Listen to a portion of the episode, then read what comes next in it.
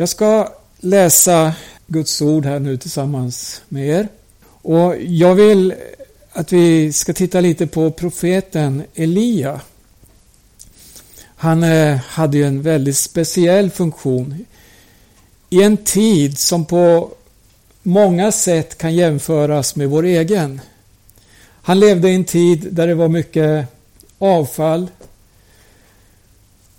Kung Ahab regerade över Israel och han hade en hustru som hette Isabel. Och både Bibeln och den profana historien ger många vittnesbörd om Isabel och hennes grymhet. Hon eh, hade bestämt sig för att utrota allt som har med Guds namn att göra. Hon hade förklarat fiendskap mot Gud och mot honom som den ende sanne guden.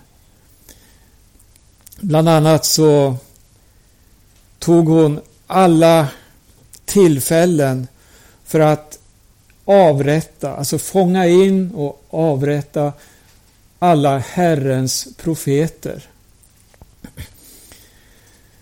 Och Elia, han eh, fick sin kallelse av Gud i den här tiden.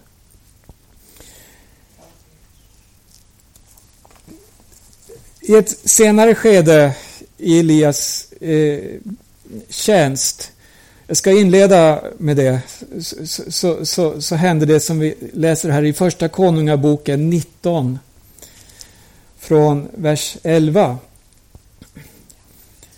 Herren sade, Gå ut och ställ dig på berget inför Herren.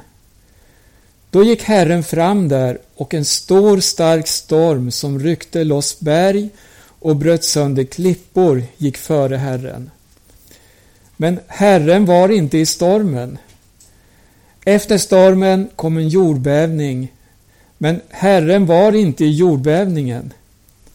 Efter jordbävningen kom en eld, men Herren var inte i elden. Efter elden hördes ljudet av en svag susning. Profeten Elia, han hade i konfrontation med Israels kung Ahab, han hade varit med om en uppgörelse mot det allvarliga avfall som rådde i landet. Det blev en uppgörelse på berget Karmel. Innan dess hade Elia, ja tre och ett halvt år innan, hade Elia från ingenstans dykt upp och trätt fram inför kungen och deklarerat att det kommer inte att regna i landet förrän jag säger det. Och sen försvann han eller man kan säga att Gud tog honom bort. Han, han, han blev osynlig för kungen. Och åren gick, tre och ett halvt år gick och det var svår torka i landet. Kungen och hans soldater letade efter Elia överallt. För man menar att det var han som var orsaken till den svåra torkan. Men så kom den dagen då Elia trädde fram igen. Han begärde att få träffa kung Ahab.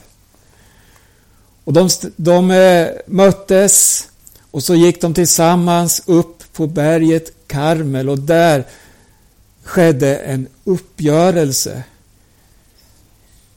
Bals 450 profeter var med.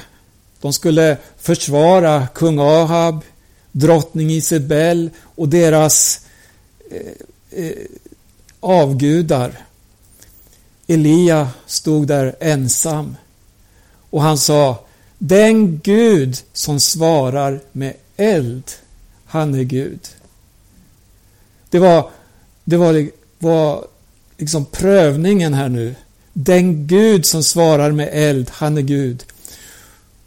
Båda lägren, Baals alla profeter å ena sidan, Elia och andra skulle bygga varsitt offer.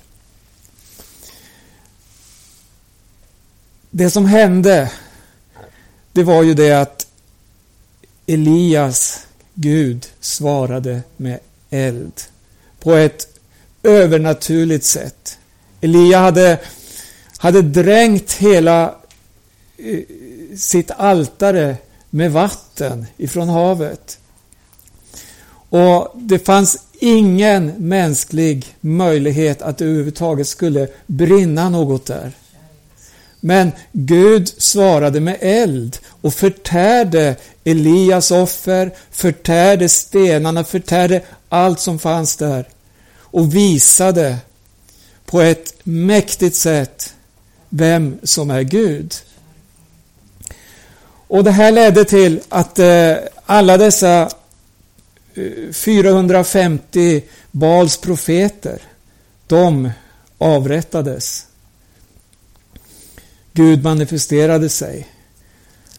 Guds makt blev på ett sätt återupprättad bland folket genom det Elia gjorde.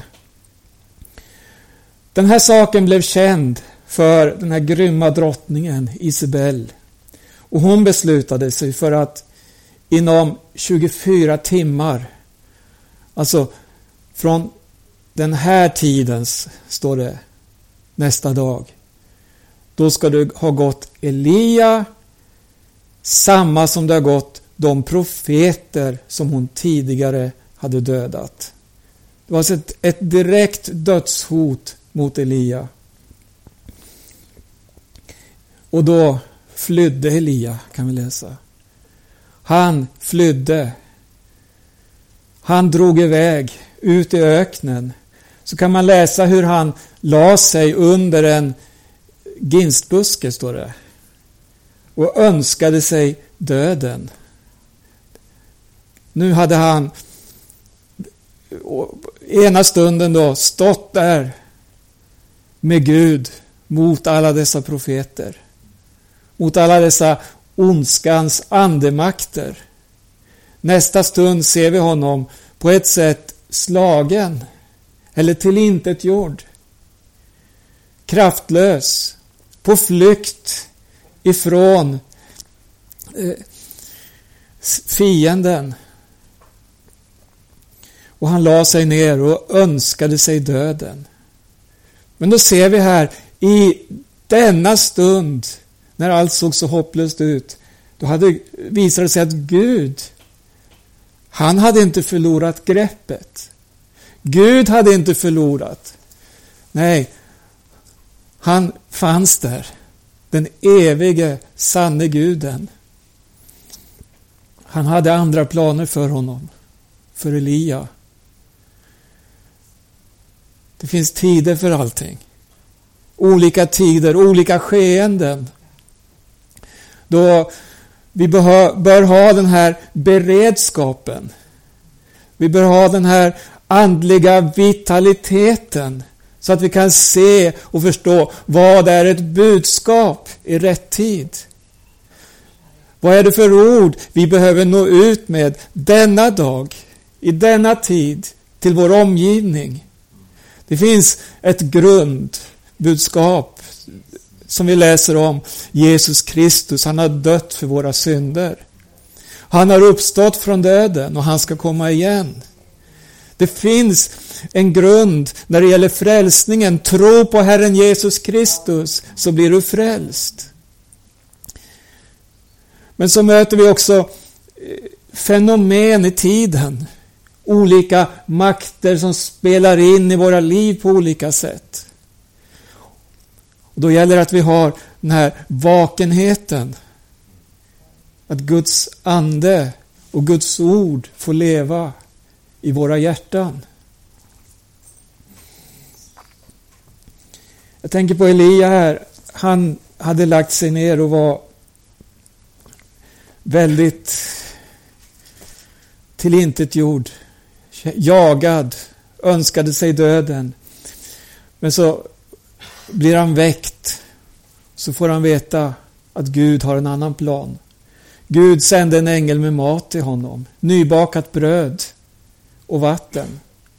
Han uppmanade Elia att äta och vandra vidare. När måltiden bestod av det han behövde för vandringen. Och så kan vi läsa hur han styrkt av den här kosten. Han vandrade 40 dagar och 40 nätter, står det. Ända bort till Guds berg, Horeb. Och där sa Gud åt honom att ställa sig uppe på berget. Sen följer det här som vi inledde studiet med, den här texten. En stark storm ryckte loss berg och bröt sönder klippor. Men hör, Herren var inte i stormen. Det stod hur det efter stormen kom en jordbävning. Herren var inte i jordbävningen. Och vad kom efter jordbävningen? En eld. Herren var inte i elden. Och sen hördes ljudet av en svag susning. Jag tänker på Elia. För honom var det omöjligt att stanna kvar i Samarien. Förföljelsen, den blev för svår. Och han flydde därifrån för sitt liv. Vart skulle han ta vägen någonstans? Han blev ledd ut i öknen. Långt bort från en plats där människorna levde som villebråd under kung Ahab och hans drottning. Och där, mitt under flykten, grep Gud in. Så börjar han tala till honom, bearbeta honom. Han börjar visa honom på ett annat fokus. Och en påminnelse om uppdraget och en påminnelse om vem Gud är. Det är så lätt att man kan bli nedslagen alltså, i sitt sinne, tappa inspiration, bli missmodig och så vidare. Men tänk, Gud är densamme i alla situationer och uppdraget vi har fått från honom, det står där. Hur länge då? Jag är med er, vad sa Jesus? Alla dagar intill tidens ände. Det handlar om missionsbefallningen. In till tidens ände har vi fått uppdraget att förkunna ordet. Elia befann sig i öknen och Gud dukade ett bord för honom. Det var inte vindruvor och andra läckra, feta maträtter. Nej, men det var det som han behövde. Det bästa han behövde för vandringen och för uppdraget. Det står om bröd bakat på glödande stenar. Vatten. Och vad sa, vad fick han för budskap? Stig upp och ät. För annars blir vägen för lång för dig. Och det här gäller oss också. Vi vet att Jesus, han är det levande brödet som har kommit ner från himlen. Det bröd som ger liv till alla människor. Jesus sa så här i Johannes 6. Jag är livets bröd. Den som kommer till mig ska aldrig hungra och den som tror på mig ska aldrig någonsin törsta. Halleluja. Elia han var vid den här tidpunkten helt utan alternativ. Det fanns inga utvägar. Han famlade fram och önskade sig döden.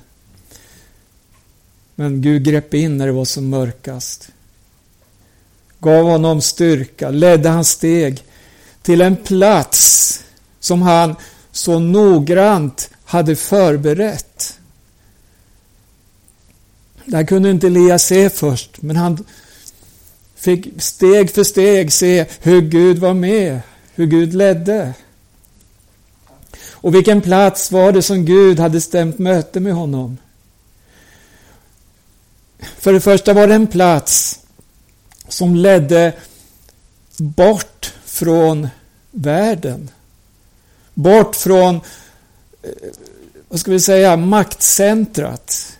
Där allting beslutades, där allting ägde, där allt det politiska ägde rum, där all kultur fanns. Bort från allt det här som, som hela tiden skulle komma med sina influenser, sin påverkan. Det ledde Elia bort. Kunde inte Gud tala till Elia där han fanns? Skulle han slippa den här långa ökenvandringen? Jag tror att det är viktigt att, att distansera sig, sitt sinne, från alla dessa influenser, från all den här påverkan som, som vill fånga oss, som vill ta vår tid hela tiden. Och det här eh, som så lätt gör också att den andliga skärpan, den går förlorad. Och så leds vi in på kompromissvägar. Vi leds in i dialog. Vi ska anpassa budskapet. Vi ska formas och passa in i alla olika sammanhang. Då är det nog dags att Gud får ta oss åt sidan. Då är det nog dags att han får fånga oss och leda oss ut till en sån här plats som Elia fick komma till. Där Gud kunde nå fram och tala till honom. Den här vandringen ledde längre och längre ut i öknen. Och han kom långt ut dit ingen annan, annan överhuvudtaget hade något intresse av att gå. Ingen annan hade tillträde. Inga världsliga influenser nådde dit. Det var bort från världens arenor. Det fanns inget som attraherade, inget som lockade. Och där, samtidigt som det är bort från allting, det här, så är det in. Vart då? Mot Guds centrum. In till Guds hjärta. Inom hörhåll för hans omsorg, hans röst. Eller om man kan säga så här, in i Kristi kropp, alltså in i församlingens mitt. Fridlyst område. Ett område som är avskilt för honom. Den dagliga gemenskapen, bönerna, överlåtelsen, kraftkällan när Gud fyller oss med sin ande. Käre Gud. Elia kom till berget, till Guds berg. Och Gud började tala. Och först fick han höra, hur står det, stormen. Den kan slå hårt mot våra liv. Den, den kan vara omvälvande. Rubba den tryggheten vi tycker att vi har. Den kan hota på olika sätt. Men vad står det? Gud var inte i stormen. En jordbävning som kan rasera allt.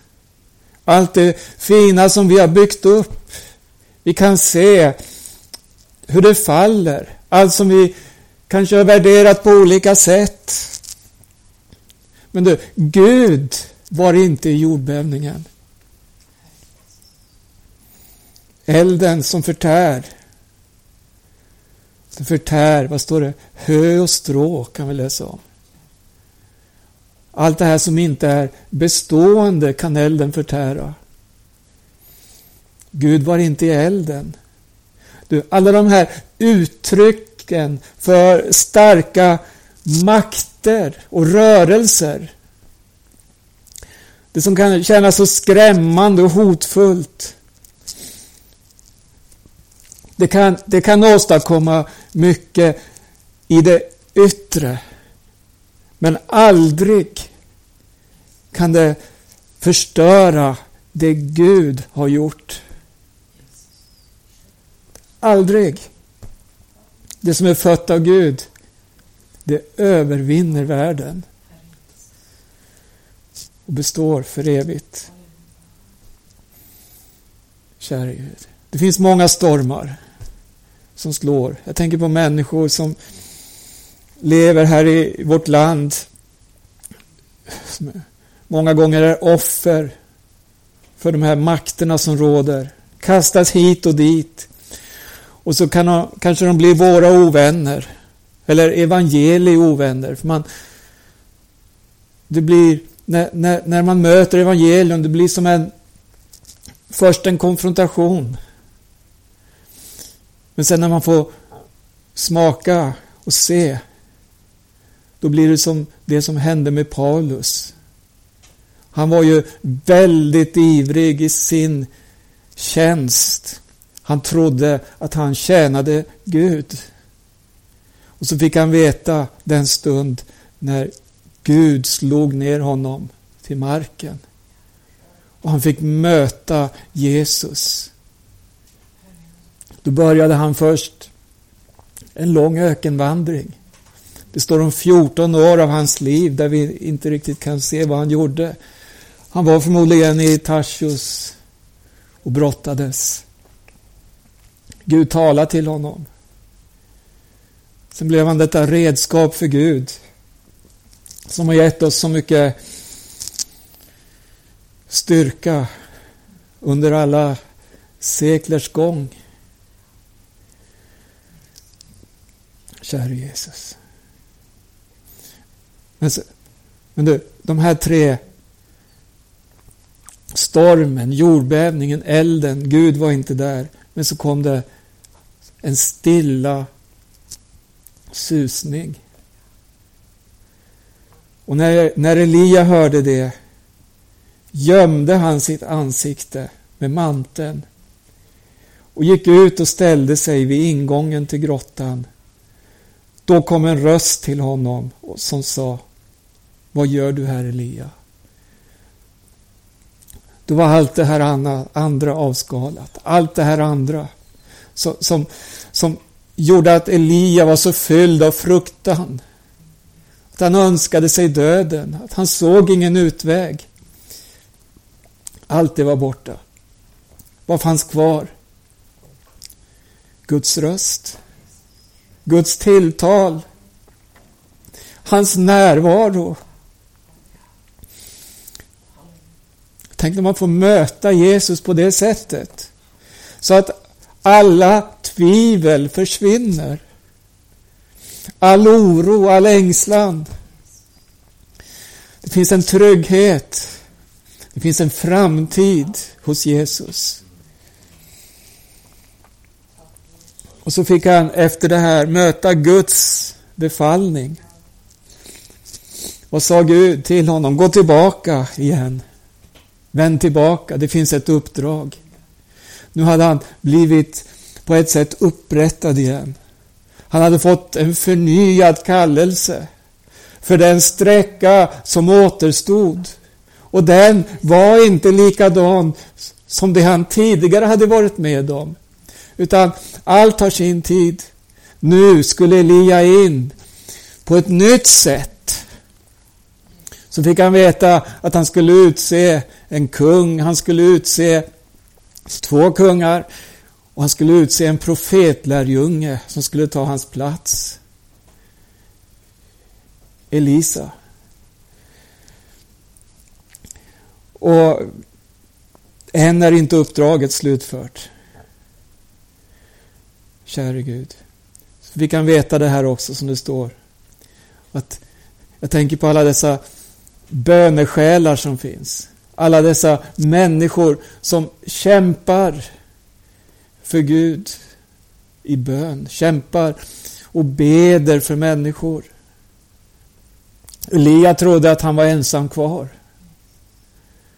Men det fanns de som inte hade böjt knä för avgudarna. Så här, jag har lämnat kvar i Israel 7000 män som inte har böjt knä för Baal och inte gett honom hyllningskyss. Och sen följer då detta förnyade uppdrag som han kom in i, Elia. Halleluja. På ett sätt är det här människans slut, Guds början. Amen. Vi stannar där för det här tillfället. Så får vi bedja till Gud för varje dag, varje stund, den korta tid som vi har kvar innan Jesus kommer tillbaka. Tiden är verkligen kort. Och vi vet att snart ska vi få möta vår frälsare. Maranata, kom Herre Jesus. Amen. Vi tackar dig än en gång Herre. Vi prisar dig för den seger du har vunnit Herre Jesus. Tack för Golgata Herre Jesus Kristus. Halleluja. Och Herre Jesus Kristus, tack att du vill möta med din församling. Du vill möta med syskon Herre Jesus. Och förnya Herre Jesus oss i vårt uppdrag. I vår tjänst för dig Herre Jesus. Så att vi där vi går fram, Herre Jesus, även under dessa pandemitider, Herre. Att vi får nå fram till människor. Använda de kanaler du har gett oss, Herre Jesus. Och vi får bedja, Herre, att du leder, Herre Jesus, varje steg. Och vi ber för människors frälsning, Herre. Tack att du har bön, Herre Jesus Kristus. För allt så lovar vi dig. I Jesu Kristi namn. Amen. Amen. Amen.